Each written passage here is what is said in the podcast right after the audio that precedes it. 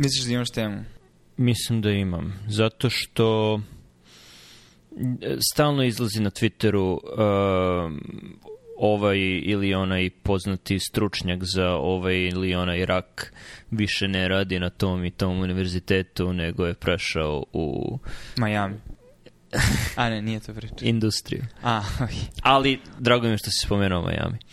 Uh, zato što sam pričao sa nekim ljudima, kao da, da li to znači da stvarno sve više lekara prelazi u industriju, da radi, to su uglavnom ljudi koji su radili kliničke studije na univerzitetima i onda pređu u AstraZeneca ili Pfizer ili gde god da radi isti posao koji su radili i na univerzitetu, to je da vode kliničke studije, minus viđenje pacijenata po klinici.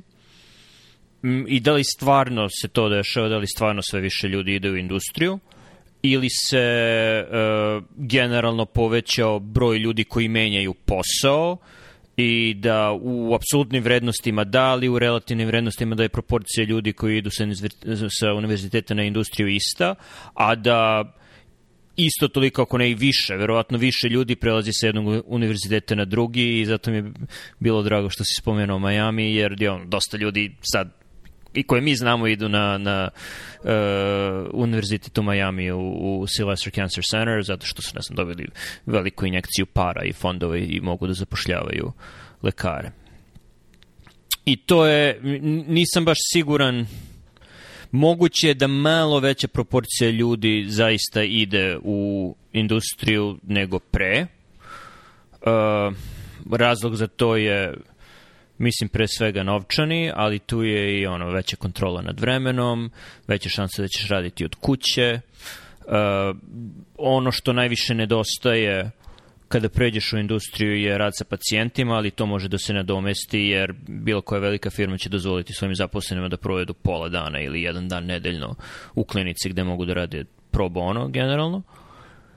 Ali nije me to interesovalo. Ono što me interesovalo je što, e, ono, kad ljudi spominju šta, šta nedostaje tim lekarima koji odu, ljudi kažu da, da, rad sa pacijentima, ali niko ne spominje edukaciju i niko ne spominje to što, ako je zaista tačno da postoji ono veliki preliv ljudi sa univerziteta u, u farmaceutsku industriju, da to smanjuje broj ljudi koji će podučavati što studente medicine, što specializante što subspecializante i kako će to da utiče uh, ono,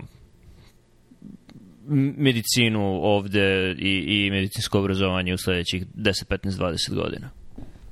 Da, ali medicina je hirarhalna i ako nešto drugo više studenta medicine i ima i iz iskustva, barem nemam ono, mi svi imamo naravno ograničeno izlaganje različitim trendovima koji mogu biti ono mikro, srednji, makro, ali generalno ne znam za mnogo residency programa koji se zatvaraju ili fellowship programa koji se zatvaraju, ali znam za broj mesta koji se povećava na programima, tako da mislim da se više ljudi trenira trenutno.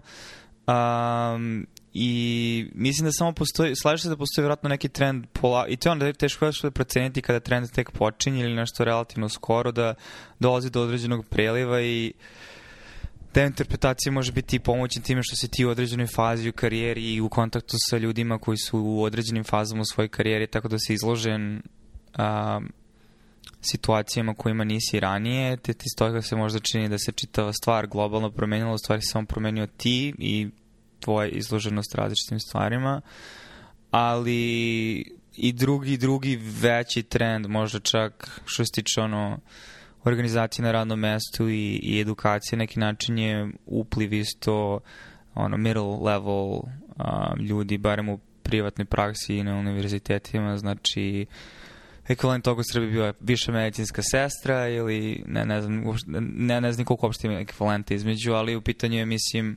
univerzitetska diploma koja nije medicinski fakultet, ali jeste osoba koja može da bude zdravstveni radnik, koji ima određen nivo nezavisnog rada, koji nije na nivou um, onoga što rade sestre. U smislu neke pacijenata, znači ima, znači to su ljudi koji donose odluke u diagnostici i lečenju, ali isto vreme i dalje u toj hijerarhiji krajnju odgovornost nosi lekar koji vodi tim, tako da medicina se više isto liči na korporaciju koja ima middle menadžere i, i senior menadžere i deo tima, zato što se priroda posla menja s obzirom da imamo elektronske kartone, te samim tim mnogo je, kapiram da je jedan od posljedica da se rad lakše deli, ljudi imaju lakše uvid u rad, um, te samim tim i skuplje je platiti lekara ili istrenirati lekara, te ako možda nađeš ljude koji mogu da zamene gomilu stvari koje su manje više repetitivnog karaktera, onda možeš da po znacima da napraviš efikasniji sistem. To je samo onako sa strane, ali da se vratim na tvoju ideju, teško mi je da procenim da li ima manje ljudi u edukaciji ili ne. Jer, jer ideja je da li, da li ćemo imati sve manje ljudi koji će moći da treniraju ljude kako budu stasavali. Jel, jel to da, ne samo manje ljudi, nego manje kvalitetni ljude. Da, pod pretpostavkom da će uh, ono, kvalitetni ljudi moći da dobiju više para za, za odlazak van univerziteta, znači da, da ti ljudi će, će se manje baviti obrazovanjem. Ali to isto niša ljudi, znači ne znam koliko ima preklapanja, mislim da ima preklapanja, ali nije jedan na jedan između nekoga ko je zainteresovan za edukaciju i nekoga ko je zainteresovan za akademsku karijeru, zato što imaš dosta instruktora koji uživaju da, u tome da budu ono pedagozi i, i profesor. Mislim, ne, ono, znači imaju neku poziciju na fakultetu, ali se ne, ne, ne, ne neophodno bavi istraživačkim radom, ali vole da obrazuju studente, rezidente. Mislim, znamo mi neke ljude lično koji više uživaju u tome i ne za pacijenta nego u samom akademskom kontekstu nekom. Drago mi je što si to rekao, jer uh, koja je beše svrha akademije i šta misliš pod akademije?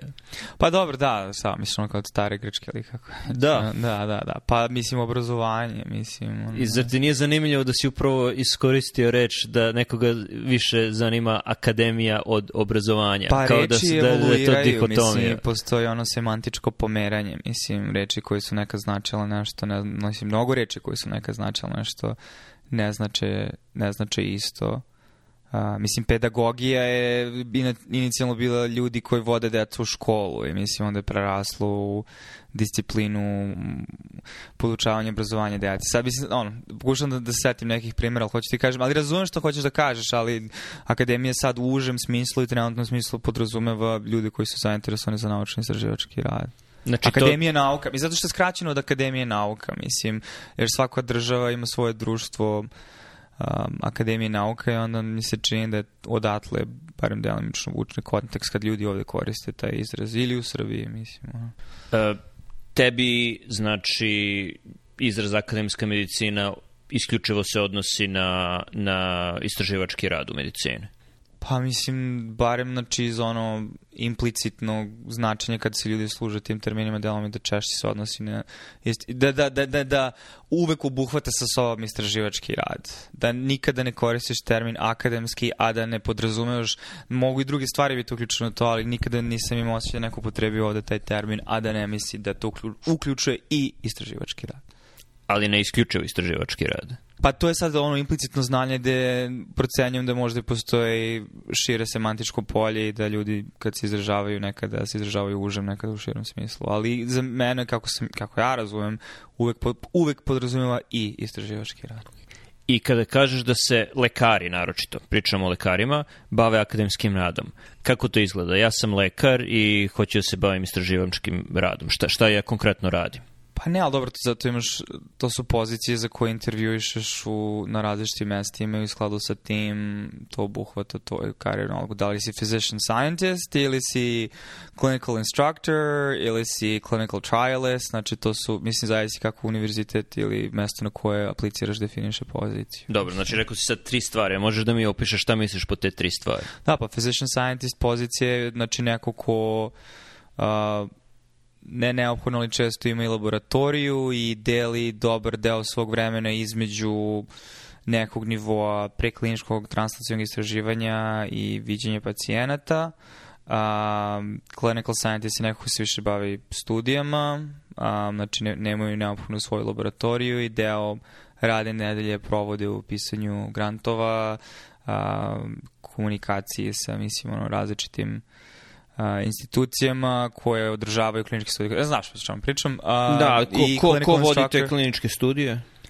Pa zavisi opet od pozicije koliko si, da li si junior, da li si senior, mislim, znači gde si u svojoj karijeri, da li si ti napisao grant pa si ti PI ili razumeš si... Misliš da se u Americi većina ne, ljudi koji sebe opisuju kao clinical trialists Mislim da, misliš da se oni uglavnom bave ne, pisanjem grantova? Ne, ne, ali ako ulaziš na poziciju na, na univerzitetu, mislim ono da kada potpisuješ ugovor, mislim delimično, znači dobiješ određenu platu, ali ti moraš da pokažeš određenu naučnu produktivnost, a to se iskazuje između ostalo kroz ono doprinos u dovođenju para na univerzitet, mislim, a jedan način da to uradiš je da napišeš grant ili mislim okay. da ili da započneš studiju ili da započneš saradnju sa farmaceutskom kućom, mislim.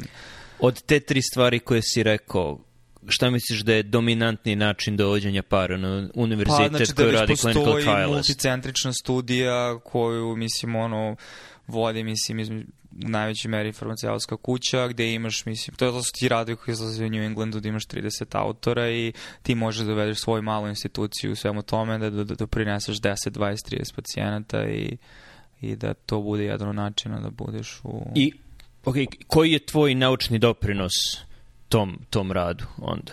Dovođenje pacijenata?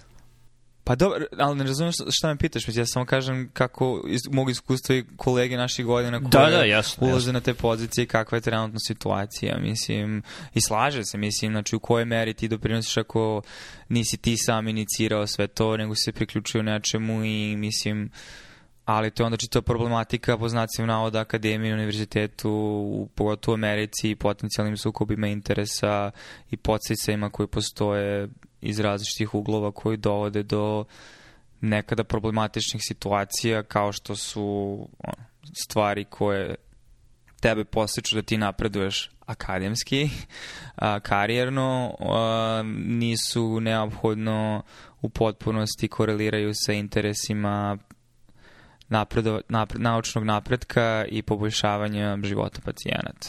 Jer ono, Znači, možeš da budeš deo neke ogromne studije koje testira neki TKI koji na osnovu surogat ishoda dovodi do, mislim, statistički značajnog rezultata u studiji koja onda dovede do odobravanja leka od strane FDA-a, a upitno je, mislim, šta je time doprinuto, osim što u velikoj meri praviš na, o, širiš tržište. Znači, koliko, koliko doprinosiš boljitku života pacijenta, koliko proširuješ indikacijno područje ili tržište za određenu kompaniju. Mm. Dakle, I clinical instructor je neko ko znači ne bavi se akademijom, ali deo pravdanja svog, svoje pozicije na univerzitetu ili gde već je tim što učestvuju u didacticsu, pravi predavanja, znači teaching, hospital, šta god. Ne? Znači, rekli smo spomenuo si tri načina na koji postoji akademska medicina. Jedno je physician scientist, vratit ćemo se na to. Drugo je clinical trialist, gde složit ćeš se nisi toliko nezavisan, uglavnom radiš studije koje piše i koje interpretira industrija, neki drugi sponsor. Redko, je, redko će ko, neko ko sebe naziva clinical trialistom isključivo raditi sobstvene studije, jer je jako teško naći novac za to. Tako da je i svakako se ne baviš, nije neophodno da se baviš obrazovanjem, to jer je tvoja glavna funkcija da upišeš pacijenta na studiju i, i da ga vodiš tokom studija. Dakle, nema baš puno obrazovanja, ali nema baš puno ni nauke. Uh, treća stvar je clinical instructor, gde ima dosta obrazovanja, to je isključivo obrazovanje, ali tu ono nema nauke, ako ima nauke to je možda neka retrospektivna studija ili studija o samom obrazovanju, neka meta studija o, o akademskoj medicini. Ili pišeš case studije sa rezidentima koji apliciraju za fellowship. Da, ili neke review radove ili si ti stari autor na nekom radu koji će izaći u časopisu koji ima impact factor 1.5, ali i ti mora malo da napakuješ svoj CV. Dakle, od te tri stvari jedino physician scientist je šta, šta radi physician scientist, još jedno? Pa to zavisi, mislim, opet od pozicije institucije. Mislim, znači, možeš da imaš svoju laboratoriju, ali, mislim, možeš da imaš i mislim, ono, sarađu sa nečim laboratorijom, ali da uvodite nešto sami, ali to je osoba koja ima mnogo više autonomije i sama uglavnom piše svoje studije. No. Mislim, to, mislim, to, to su uglavnom neko MD, PhD, no. redko kad si samo MD, e, gde tvoje kliničke obaveze su svedene na možda dve do četiri nedelje rada na odeljenju godišnje i eventualno pola dana klinike nedeljno, ali to je jako redko. Obično, mislim, ljude koje ja znam imaju taj inpatient, rade samo i uglavnom vode svoju laboratoriju. Ali gde ti kao vođe laboratorije uglavnom ne radiš sam eksperimente, nego imaš svoje postdokove, imaš svoje grad studente, gde opet ulazi obrazovanje. Znači ti moraš da se baviš i obrazovanjem tih ljudi. Pa da, ti vodiš sastanke, mentorišeš ih, znači orijentišeš ih u njihovim projektima, komentarišeš i mislim, možda će, nećeš ti direktno učiti ljude kako da pipetiraju, ali ćeš, mislim, ali će tvoje osoblje, mislim, raditi konkretno sve te Ali da, mislim, mentorstvo je deo svega toga koji jeste obrazovanje. Da, ali koliko je onda bitno u tom tvom poslu da si MD? Koliko je bitno to što se baviš kliničkom medicinom? Pa bitno u domenu toga da ipak i viđaš te pacijente na studijima ili ih neko viđe i na kraju dana treba da doneseš odluke da li treba da za, za, za substancu koju imaš u kliničkoj studiji treba da prekineš, modifikuješ, mislim. Ali to isto, mislim, ne, ne, ne znam ni koliko je sve to uopšte ono, i opet možda mislim ti imaš više iskustva sa tim zato što različiti univerziteti rade na različite načine nije sve toliko jasno definisano zato što ti u isto vreme možda imaš svoje laboratorije ali recimo da imaš klinički tim s kojima sarađuješ i oni donose sve kliničke odluke i onda u tom smislu možda nije bitno da ti budeš MD i mislim i to je sad ono pitanje koliko godina obrazovanja ti treba da bi se bavio nečim ne, ne znam li da to želiš da poentiraš ali opet sve zavisi od toga zato što i tvoje kliničko iskustvo može da ti otvori Mislim, on, dovedu situaciju da postavljaš pitanja koje ne bi postavljao da nisi imao kliničko iskustvo, tako da, mislim... Hoću da poen... I, mislim, a za koliko je to dovoljno da imaš nekog MD-a koji će rotirati u toj laboratoriji i na taj način da doprinese. Hoću da poentiram da je akademska medicina u Americi postala pomalo oksimoron. Uh, Uh, jer za ono physician scientist deo gde si ti lekar MD koji ima svoju laboratoriju, taj MD ti nije bitan jer glavni posao koji radiš i način na koji zarađuješ novac je da donosiš grantove u svoju instituciju, a za to ti MD ne pomaže uopšte, za to su bitne one šta radiš u svojoj laboratoriji i glavni deo tvog posla je posao koji radi i PhD. Sad možeš da izmišljaš priče zašto je bitno da ti malo vidiš pacijente po klinici, ali kad se to desi... Ali dobro, neki ljudi vole da viđaju pacijente, mislim. Ali, ali, ali, tu postoji jedan veliki konflikt gde tvoja institucija vidi tebe kao mašinu za pravljanje para na dva načina. Jedno je da vidiš pacijente u klinici, drugi je da pišeš grantove. Te dve stvari nisu kompatibilne. Te dve stvari su suprostavljene i to je zero sum igra gde možeš da izabereš. A oportunitni trošak, jer ako provodiš vreme na jednom, nemaš vremena da radiš drugom. Tačno tako. I gde i gde obično to ide na uštrb nauke, jer ako ti jedan ili dva granta ne prođu, ako malo krene ta slavina da pada, ako je neko PhD, institucija ima razumevanje, kaže pa dobro, sad čekat ćemo godinu, dve, tri, više sreće, možda, a možda će reći nađi neko drugo mesto, nemoj nas da smaraš, ali ako si MD, PhD, oni će reći pa dobro, ili će da ti se finansiraju još jedan, dva ili tri R1 granta, ili ćeš vidjeti malo više pacijenata u klinici i ajde uzmiti još jedan dan nedeljno klinike, pa tako zaradi svoju platu. Tako da su te dve stvari vrlo suprotstavljene. Tako da to otpada, meni se čini. Druga stvar je uh, clinical trialist, gde u Americi, ne, ne svuda u svetu, uglavnom to vodi farmaceutska industrija i taj naučni deo pisanje protokola, interpretacije rezultata, glavni deo vođenja leka kroz kroz ceo put od laboratorije do, do konačnog FDA odobravanja, to vodi neka kompanija čiji si ti ono saradnik pod ono ugovorom o delu gde ti dovodiš pacijente na studiju i nek, ti čak imaš minimalni udeo, znači tvoje ime mora da bude tu zapisano kao PI, ali uglavnom posao radi sestra. CRC, istraživačka sestra koja ima mnogo bliži kontakt sa tim pacijentima, koja ima mnogo bliži kontakt i sa sponzorom i koja ubacuje te stvari u bazu ili imaš treću osobu, data menadžera koji će da ubacuje podatke u bazu. I ono, isplata koju ti imaš kao clinical trialist je ako imaš najviše pacijenata upisanih na studiju, ti ćeš biti prvi autor na tom New England Journal radu i to će ti biti zlatna zvezdica u CV-u i tako možeš da budeš promovisan u svojoj instituciji. I u zavisnosti ono, jačine univerziteta, jačine institucija, znam da je nekadašnji uh, onaj CEO Memorial Sloan Ketteringa koji sada više nije živ, Uh, je rekao ono, ako ti ne izađe rad u New England Journalu, to se i ne računa. Znači, Blood nije ništa, Lancet Oncology je ništa, samo NHM se računa. Uh, tako da je to malo okrutna utakmica, ali tu niti ima nauke puno, ili uopšte niti ima, niti ima obrazovanja, pošto možda ćeš raditi sa fellowima, možda nećeš, to je stvar izbora, ali neće uticati na tvoju promociju.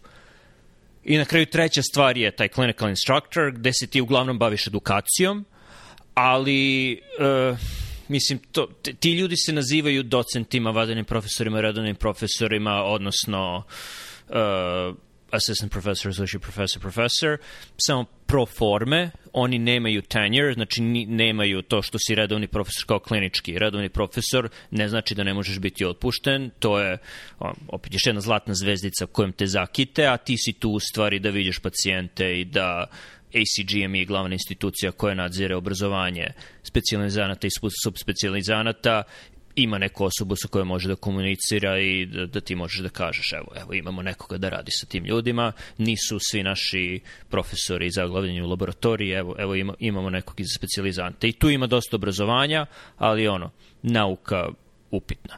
Tako da se prekliničkom naukom uglavnom bave PhD-evi u laboratorijama, ako neki MD se time bavi, to je ono ekvivalentno PhD-u, kliničkom naukom se u Americi uglavnom bavi industrija, i ono, plaća lekarima da, da to rade, da, da viđu pacijente u bolnicama i, i zato mislim da je ono, akademska medicina malo, malo farsa. U Americi. Zato što drugde u svetu, znam da u Nemačkoj, Italiji, Velikoj Britaniji ima puno clinical trialista koji mogu s pravom da kažu da oni pišu studije, oni interpretiraju studije, oni su glavni za te studije koje se vode i oni se jako dobro bave svojim poslom i ovde u Americi ima nezavisnih grupa tipa ICOG za onkologiju, uh, koje su ono skup univerziteta koji sami ono, pišu studije, vode studije, ali to je jako redko i mučno i ljudi se malo time bave i ne znam da postoji statistika, ali više od polovine ljudi koji se bave studijama, kako više, tri četvrtine, to su, to su no, industrije studije. A dobro, ali mi kao da imaš ono, e, to sad, ili samo dijagnoze ili imaš i preskripciju, u smislu nekako postoji ograničena količina vremena u toku nedelje i meseca u trenutno ustrojstvo sistema, kapiram da je naravno znam da imaš svoje mišljenje po pitanju neefikasnosti vezanim za pisanje grantova i koliko se vremena potroši na to ko bi možda bilo mogo da bude potrošeno vreme na edukaciju ili uh, ove, viđanje pacijenata, ali nisi s druge strane opet postoji ono sve veće podela rada jer um, sve više Znaš, mislim, ti, sada bi publikovao u Nature, mislim koliko metodologije i na koliko načina moraš da pokažeš i dokažeš da hipoteza koju si postavio uh, ima neku čvrstinu, samim tim. Uloga jedne osobe u svemu tome je neki način da otiče nešto što se spomenju u prethodnim podcastima kao zašto nemamo household naučnička imene, barem jednim delom, ne kažem u potpunosti, ali uzrokovano time što trenutno kako se radi nauka je i, i generalno, mislim, medicina je vrlo timski sport koji zahteva dosta glava gde ono, je velika podela rada. Da li je to najbolji način, da li je to najefikasniji način, ne znam, ali je takva trenutno ustrojstvo. Zanimljivo je da si spomenuo Nature. U razgovoru o akademskoj medicini baš ne bih spomenuo ni Nature ni ne Science. Ne tome, nego samo u smislu... Ali, ali kad si spomenuo, da kažem, to je preklinika, mislim da generalno sada je na tolikom nivou da klini, kliničarima, lekarima, nije toliko mesto u laboratoriji, mislim da treba da se odlučiš čime će da se baviš. Ali, iako si se Ali odlučio... Ali physician scientisti pucaju na, mislim, radove, to je časopise koji... Jasno ako si odlučio time da se baviš, u redu je. Um, mislim da je nivo te prekliničke nauke dostigao uh, barok. Posle su jako barokni radovi, kitnjasti radovi, gde imaš uh, različite metodologije, koje su one same, ima dosta podmetodologija, zato su ti potrebni čitavi timovi, ljudi koji se bave ovim, onim, neko radi site-off, neko radi single cell RNA-seq, neko radi, znači, gomila stvari i zato su ti potrebni toliki timovi. Ali moj je utisak, nisam nikakav stručnjak, je da je to posledica nedostatka originalnih ideja i onda da bi ispumpao što više možeš iz toliko ne baš super ideja, treba ti sve barokni, barokni, sve ono detaljnija metodologija. i, i zato, zato ima toliko timova. Kada bi, ali to, to se ne, ne, ti radovi se ne bave fundamentima. Mislim, da, da imaš nešto fundamentalno, tipa, sad ćemo pisati DNK, tri autora rad od 500 reči, bum. Time se sad više niko ne bavi niti postoji para za to, niti će neko da ti plati da bi to radio. Ma, postoje ljudi, samo što, mislim, ni mi ne čitamo, mislim, posle sam ti isto ono u Nature, ono, onaj rad koji je izašao skoro. Mislim, problem je, mislim, možda samo što, prvo što su mi imamo svoju perspektivu koja je veliko meri vezana za medicinu kao nauku i translaciju i onda stvari koje dolaze do... Znaš, imaš ljudi koji se bavi isključivo recimo otkrivanjem novih ionskih kanala kojima ne znamo ništa. Znaš, zašto dobro, je hlor su... najzastupljeniji, jedan najzastupljenijih elektrolita u krvi? Znaš, to su ljudi koji se bave isključivo fundamentalnom naukom. Mislim, samo je problem, možda ti imaš sad problem tim što smo zaglavljeni u paradigmi uh, ono, histologije, citologije, fiziologije u zadnjih, ne znam, kao što si rekao, ono, 100 godina ili kako već 60 godina i da sada samo dolazi do kumulacije i nadgradnje metodologija, ali dalje u osnovi pokušavaš da opišeš novi ćelijski put, interakciju između gena i sredine, interakciju između ćelija. I... Ionske kanale, sama činjenica da ti spominješ ionske kanale kao nešto što je fundamentalno, ne, mislim, to je ono, nano nivo viđenja ćelije, da, ali ne mislim na to kao nešto fundamentalno. Fundamentalno bi bilo neko potpuno novo viđenje stvari koje ako mi ako me pitaš da ti opišem, pa ne mogu da ti opišem jer ne znam šta je pa to, dobro, ali ne... znam da kada ga neko opiše, delovaće nam očigledno pa dobro, kao... zato što e. ne možeš da napišeš grant za to, je možda u tome problem, Tačno, znači način na koji se finansira nauka i znači ono i na koji način se finansiraju high risk, high reward stvari Ali zato mislim i dosta grupa, barem ljudi koji se stvarno žele. Mislim, znaš, ono, teško mi je, uvek mi je teško da su nekako mi, otio mi se utisak da imaš osjećaj da postoji neka specifična odgovornost koju treba definisati. Mislim da je nekako više problem sistemski gde svaki učesnik u sistemu delimično odgovoran treba bude svestan svoje odgovornosti, ali u isto vreme promena koja mora se desiti, mora se desiti na nivou svih činjenica sistema, ne samo na nivou individu, ali dosta ljudi koji pokušaju da kompenzuju to, mislim iz mog iskustva raditi s ljudima koji se bave, ono, koji jesu physician scientisti, ono, znači imaš projekte različite vrste, imaš projekte koji su malo sigurniji, imaš projekte za koje ćeš vratno imati rezultate brže, imaš projekte koji su više ono high risk, high reward i postoji balans između različitih vrsta projekata, tako da ovi drugi projekti dok praviš, dok dovodiš pare da bi ono, publikovao stvari koje, za koje imaš bolje osjećaj uroditi način publikabilnim, ako je uopšte to reč, u isto vreme ono, provodiš 5-10 godina pokušavajući da provoliš nešto To zvuči apsolutno racionalno i razumno za ovaj sistem koji sada postoji, da, ali, ovaj ali to je loše. Da. To je apsolutno loše, da ti posvećuješ svoje mentalne cikluse meta igranjem, sad ću malo ove resurse, malo one resurse kao da igraš StarCraft, a ako, ako, ako postoji nešto što mora fundamentalno da se otkrije, mislim, ljudi treba tome da se posvete ono 10-15 godina isključivo tome, a i čak tada bez garancije da će, da će to pa dobro, koje rešenje? dovesti mislim, do nečega. Kada ti sad postdokovima koji se ne bave, kako ti sad definišeš fundamentalnim stvarima, plaćaš ih jedva da mogu da žive uopšte. Mislim, tako da mislim, problem u to, znaš, ono, mislim, i umetnici i naučnici onog vremena su zavisili od para, mislim, bogatih ljudi da bi mogli da se bave, da ne moraju da razmišljaju ono, o svakodnevnom preživljavanju, znači nego neko tebi dao pare da imaš da jedeš, da imaš studiju, da imaš laboratoriju ili šta god, dok ti provodiš svo svoje vreme iskazujući svoj geni, um, ali to nije trenutni sistem finansiranja. Mislim. Da, mislim da postoji uh, loš ekvilibrijum, loša ravnoteža trenutno između uh, finansiranja fundamentalnih istraživanja i, i drugih, uh, derivativnih. Uh, I mislim da ne možeš da kažeš, pa ok, neka NIH finansira ovo što sad finansira, što su uglavnom derivati, uh, neka neka privatna firma, neka neki milijarder uloži pare u fundamentalne istraživanja. Mislim da to neće funkcionisati, jer uh, sama činjenica da je toliko para ubačeno u, to je utakmice, ti ubaciš toliko para u sistem i dođe do inflacije i sada ti koštaju stvari toliko i, i očekivanje da, će, da, da ćeš da trošiš toliko i toliko para na nešto i, i onda moraš da ono uneseš isto toliko para na fundamentalne stvari da bi da bi povratio ravnotežu. Uh, tako da, mislim, ne, ne znam koje je rešenje. Ne, a, mislim, mislim da u velikoj meri, i slaži se to, mislim da se ono preklapam u viđenju svega toga u, mnogome, um, da je rezultat vrtenja ciklusa i priče koji jeste funkcionisao, ali smo davno prešli ono tačku diminishing returnsa i došlo je do naš činjenica da sada možemo da definišemo ove pozicije kakve one jesu, činjenica da one podrazumevaju određene očekivanja za koja ljudi koji jesu u tom polju e, u određenim spektru očekivanja znaju, činjenica da dolaze do te neke vrste, kažeš, osifikacije ili skleroze a, ukazuje na to koliko je sistem postaje sve manje i manje fleksibilan, sve više više definisan i samim tim a, mislim on, učinak opada i mislim da činjenica da vodimo ove razgovore, da dosta ljudi vodi ove razgovore, pogotovo što postoji preliv ljudi iz nauke industriju kao što si počeo.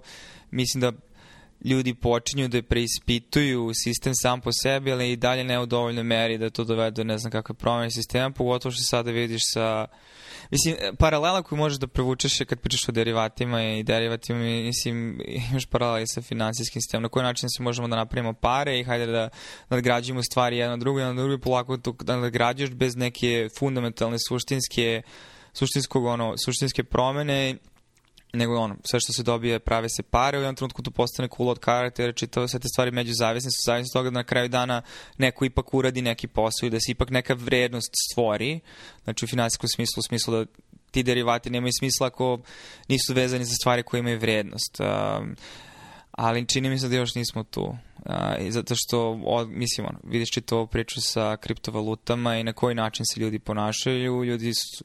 I opet to se svodi na ono pitanje koje su imali pre par epizoda da sam ti postavio pitanje stvarno koliko misliš da ljudi zaista iskreno žele da razumeju onim čime se bave i da stvarno iskreno a, prepuste sebe tome zarad ono, njihovog, mislim, sebičnog potpuno ono, ličnog boljitka, ali samim tim stvaranjem nečeg vrednog da bi, jer jedna stvar je ono koja ti prvo postane jasna ako želiš da uđeš u HH akademiju je koje su sve igre koje moraš da počneš da igraš od ono odlaska na kongrese, networkovanja, odlaska na večere, pričanjem s ovim ljudima, kontaktom sa FDA-om, kontaktom sa ovim, kontaktom sa onim i na trenutku i zaboraviš da si se zaigrao i svi su tako zaigrani i ono kolo se vrti, vrti, vrti, vrti, vrti dok ono, mislim, ono što taj sistem pumpa je sve manje i manje vredno. E, da, da prekinemo tu priču o tom bazičnom delu preklinici, a o tome smo već pričali, da, da odemo sada na kliničke studije, jer to je druga stvar šta može da se promeni i mislim da to može mnogo lakše da se promeni i tu lakše može da se, da se vidi uh, da se vidi mm, korist od, od, od brzih promjena. To je, namjerno sam hteo da, da izbegnem reč boljitak, jer se naježim od te reči i čini mi se da ta reč ušla u upotrebu ono, u poslednjih 5-6 godina, ne znam zašto, nisam je pre toga čuo. Ali, da, boljitak. Mm. Ne sviđam se. Um, a to je dovoljno da se iskopira u Americi sistem koji postoji u Velikoj Britaniji, Italiji, Nemačkoj uh, za otvaranje kliničkih studija. Uh, ovde postoji toliko barijera za otvaranje, toliko naročito za multicentričnu randomiziranu kliničku studiju. Uh, to su studije koje u ostatku sveta mogu brzo da počnu, brzo da upišu pacijente i brzo da se završe. Uh, ako imaš infrastrukturu za to i ako imaš ono razumnu regulativu. Uh, problem u Americi je što postoje puno ljudi na svakom nivou koji imaju moć veta. Znači, dovoljno je da jedna osoba kaže ne, ne može i ono, cela stvar padne i na kraju se od tvoje studije napravi nešto što je auto Homera Simpsona, gde imaš ono gomilu na, do, na dogradnji, uradi ovo, uradi ono, na kraju ne liči ni na šta i ono, od ideje do otvaranja prođe u 4-5 godina kada ili pitanje više nije relevantno ili se studija sama pretvorila u nešto što neće odgovoriti na tvoje prvobitno pitanje. Uh, jer postoje ko, ko, ko su sve osobe koje mogu da kažu ne? Uh, za početak ono ti si, ti si jedan clinical trialist, ti hoćeš da otvoriš multicentričnu studiju, mogu ljudi u tvoj samoj instituciji da kažu ako ti nisi šef odeljenja, može tvoj šef ili šef tvog šefa da kaže ne, nismo zainteresovani, jednostavno naša, naša institucija nema kapaciteta da vodi multicentričnu studiju, ok, Uh, ako kažu ok, zainteresovani smo, ali, i ovo je običan slučaj, neka kooperativna grupa mora da koordiniše studiju, onda ljudi u toj kooperativnoj grupi mogu da kažu ne, i to je obično ono, sistem glasanja kao Savet bezbednosti ili NATO, gde svako ima pravo veta, i tu obično ili padnu ideje ili, ili se izmene. I onda u svakoj zasebnoj instituciji u multicetničnoj studiji postoji i scientific review, naučni pregled i institu, ovaj, etički komitet, gde etički komiteti imaju svoje utice. To sve bez razmatranja ko će da finansira to, što je generalno jako skupo. I onda, kada gledaš financijere ili možeš da pišeš grant, gde kogo ti daje novac ima svoje uslove, pod kojim uslovima će ti dati, ili da pitaš farmaceutsku industriju kao sponzora da ti daju lek ako ništa drugo koji hoćeš da testiraš, a kamoli da isfinansiraju za ono da tebi daju platu, research testire daju platu, da finansiraju vađenje laboratorije, administraciju leka, svo drugo testiranje koje mora da se radi. Svako od tih ljudi koji daje novac ima pravo da, da kaže ne. Tako da, ono, kad, kad sabereš sve te moguće tačke i kada na to dodaš još probleme koordinacije studije u zemlji koja nema jedinstveni elektronski karton, gde se puno vremena troši u, ono, kom, na kompatibilnost različitih elektronskih sistema, to je ono, pravo je čudo da se bilo šta uradi. Ne znam, tvoja, tvoja preskripcija deluje logično, ali mi ne deluje ostvarivo u skorijem periodu s obzirom na trendove Jer ono, e, to je samo, mislim, ugledalo sistema koja opet postao mnogo komplikovan. Kad gledaš trendove koliko je ljudi unemljeno da budu na različitim nivoima administracije, na različitim institucijama, tvoja preskripcija bi dovela do gubitka posla svih tih ljudi koji imaju neko bi nazvao barem delimičnim BS poslovima, tako da postoji, hoću kažem, postoji velika inercija uh, ka tome, mislim, od strane institucije. Mislim, kako možeš da izbjegneš svoj uh, IRB i svoj scientific review? Mislim, moraš da, moraš, mislim da čak lakše da napraviš paralelni sistem da nećeš biti uopšte vezan za univerzitet i zato ljudi odlaze delimično industriju na različitim nivoima, jer nije industrija samo velika farmaceutska kuća gde si ti, mislim, tvoj posao konkretno je u industriji, ali imaš mnogo veću mislim, autonomiju. Uh, I možda ono, to, arguably te, te veću autonomiju nego neko na mhm. univerzitetu. Mislim. Hajde te dve stvari. Uh, jedno je IRB, mislim da u Americi već se ide ka tom rešenju da za multicentrične studije koje sponzoriše NIH mora da postoji jedinstveni IRB, znači jedan jedini i svaka institucija mora da se složi sa odlukama tog IRB-a i postoje sada i privatni IRB-ovi koji to rade, tako da je ok. Treba isto to uraditi i za scientific review, za naučni pregled. To je, to je jedna stvar. Znači, to je jedan podzakonski akt kojim kažeš ako jedna institucija ima scientific review, sve druge su ono, u obavezi da prihvate njihovu odluku. Tačka. E, druga stvar je finansiranje.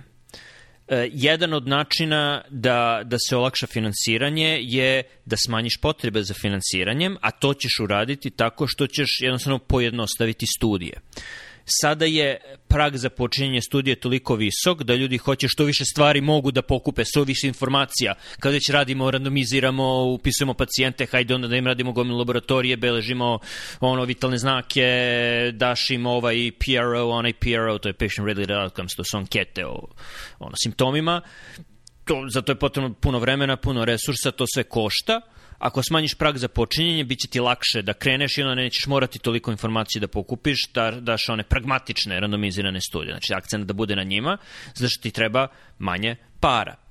E, onda da mm, Medicare kao najveća osiguravajuća kuća državna ovde, ili ako imaš neki zakon ili podzakonski akt kojim obavezu i privatne osiguravajuće kuće, da im kažeš morate da finansirate uh, deo medicinskih studija, naročito za testiranje lekova za koje ne postoje ono kategorija A dokazi za, za korisnost.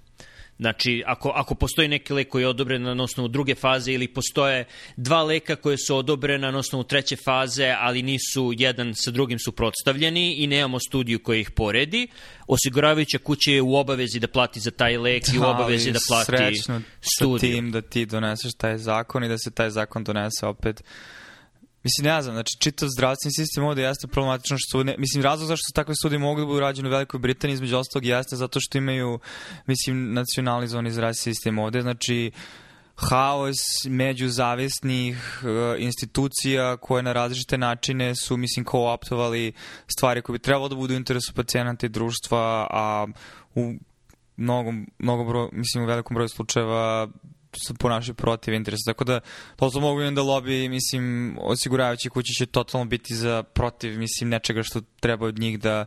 Mislim, što hoćeš kažeš, da odvedeš pacijenta na MSK i onda će osiguravajući kući da plaća za CT skener, za sve laboratorije, dok je pacijent na studiji. Mislim, mislim da osiguravajuća kuća neće imati nešto protiv toga, zato što... Uh, prvo, profit osiguravajuće kuće je ograničen, to je idiotski zakon, ali takav je na 20% njihovog prometa. Tako da je jedini način e, da, da povećaju svoj profit je da povećaju količinu novca koje se obrće, a to će raditi tako što će plaćati za više stvari. Tako da osiguravajuće kuće nemaju ništa protiv toga da, da daju, jer ne, ne ide to iz njihovog džepa. Mislim, to ide iz, iz džepa ljudi koji plaćaju premije za osiguranje, tako da ako, ako će se neko buniti protiv toga, bunit će se ostatak građana pa, koji treba da plaćate veće, veće premije, ali ali se onda tim ljudima objasni da, ok, možda će godinu, dve, tri se plaćati veće premije, možda će čak država subvencionisati to povećanje premije privremeno, ali pretpostavka je da će rezultati tih istraživanja dovesti neto do toga da će se manje para na kraju trošiti, jer ćeš znati koji lek Hoćeš funkcionišu, koji ne. ćeš motivisati ljude na kolektivnu akciju da će svoju min, e, neprijatnost individualnu a, prihvatiti s obzirom da će to biti bolje za sve ljude u toj naciji. Mislim da ovde Mislim većina da ljudi podržava... Mislim da pokazali u 2020. da to nije moguće u ovoj zemlji, ne razumem, mislim, pogotovo u sred, mislim, razum, ne, hoću kažem, ne, ne, ne slažem, mislim, sve što kažeš ima smisla, samo ne znam koliko je ostvarivo koliko uopšte postoji interese da stvari idu u tom smeru. Ono što možda nije ostvarivo je da se to radi na nivou cele federalne države, ok, niti, pretpostavljam, ne, ne, bi, sva, ne, ne bi svaka savezna država htela to, ali možeš da napraviš mali ono, kvartet ili kvintet zem, ovo, država na severoistoku, na primer, u New Englandu koje bi bile spremne to, znači Massachusetts ima socialized medicinu, Massachusetts ima single payer system, na primer. Uh, zašto ne bi države na severoistoku, zašto ne bi Kalifornija to uradila, zašto ne bi Texas neće. Ali zašto ne bi, ne znam, Washington State i Oregon to uradili kao mali deo. Znači, ona prednost federalnog načina uređenja je što ne moraš sve da radiš odjednom, niti bi trebalo sve da radiš odjednom svuda, nego što možeš da komper, kompartmentalizuješ promene koje radiš i istestiraš više razli, različitih sistema. Tako da, da, zašto se ne bi to testiralo na, na par mesta? Ne, da, na, nadam se. Mislim, ima smisla. Ove, ovaj, mislim, da Tako da kada se budem kandidovao za guvernera Kalifornije, to će mi biti jedan od, od, od predloga da, da Ok, znam da ne, ali ok, to je, to je kliničke studije, clinical trialists, uh, i ono za kliničke instruktore, mislim, to, to je opet. Mislim da su oni u stvari najbliži akademskoj medicini. Jedina stvar je što se uh, i bez sumnje ono ima puno obrazovanja koje tu ide. Jedino što se naučni doprinos tih ljudi ne vredno je toliko koliko doprinos nekoga ko objavljuje u Nature Science-u uh, i Selu i one, onoga ko objavljuje u New England Journal. To je problem. Uh, ali, ali, ali mislim, mislim da je to generalno akademska medicina. Mislim, mislim da je to jedino što bih ja sad stavio pod, pod, pod nivo akademske medicine. I ne bih stvari promenio tako što bih njima dao tenure. Mislim da generalno tenure je glupo da sada i postoji, nego bih samo skinuo tenure od ova, od ova druga dva i tako bih uh, izjednačio.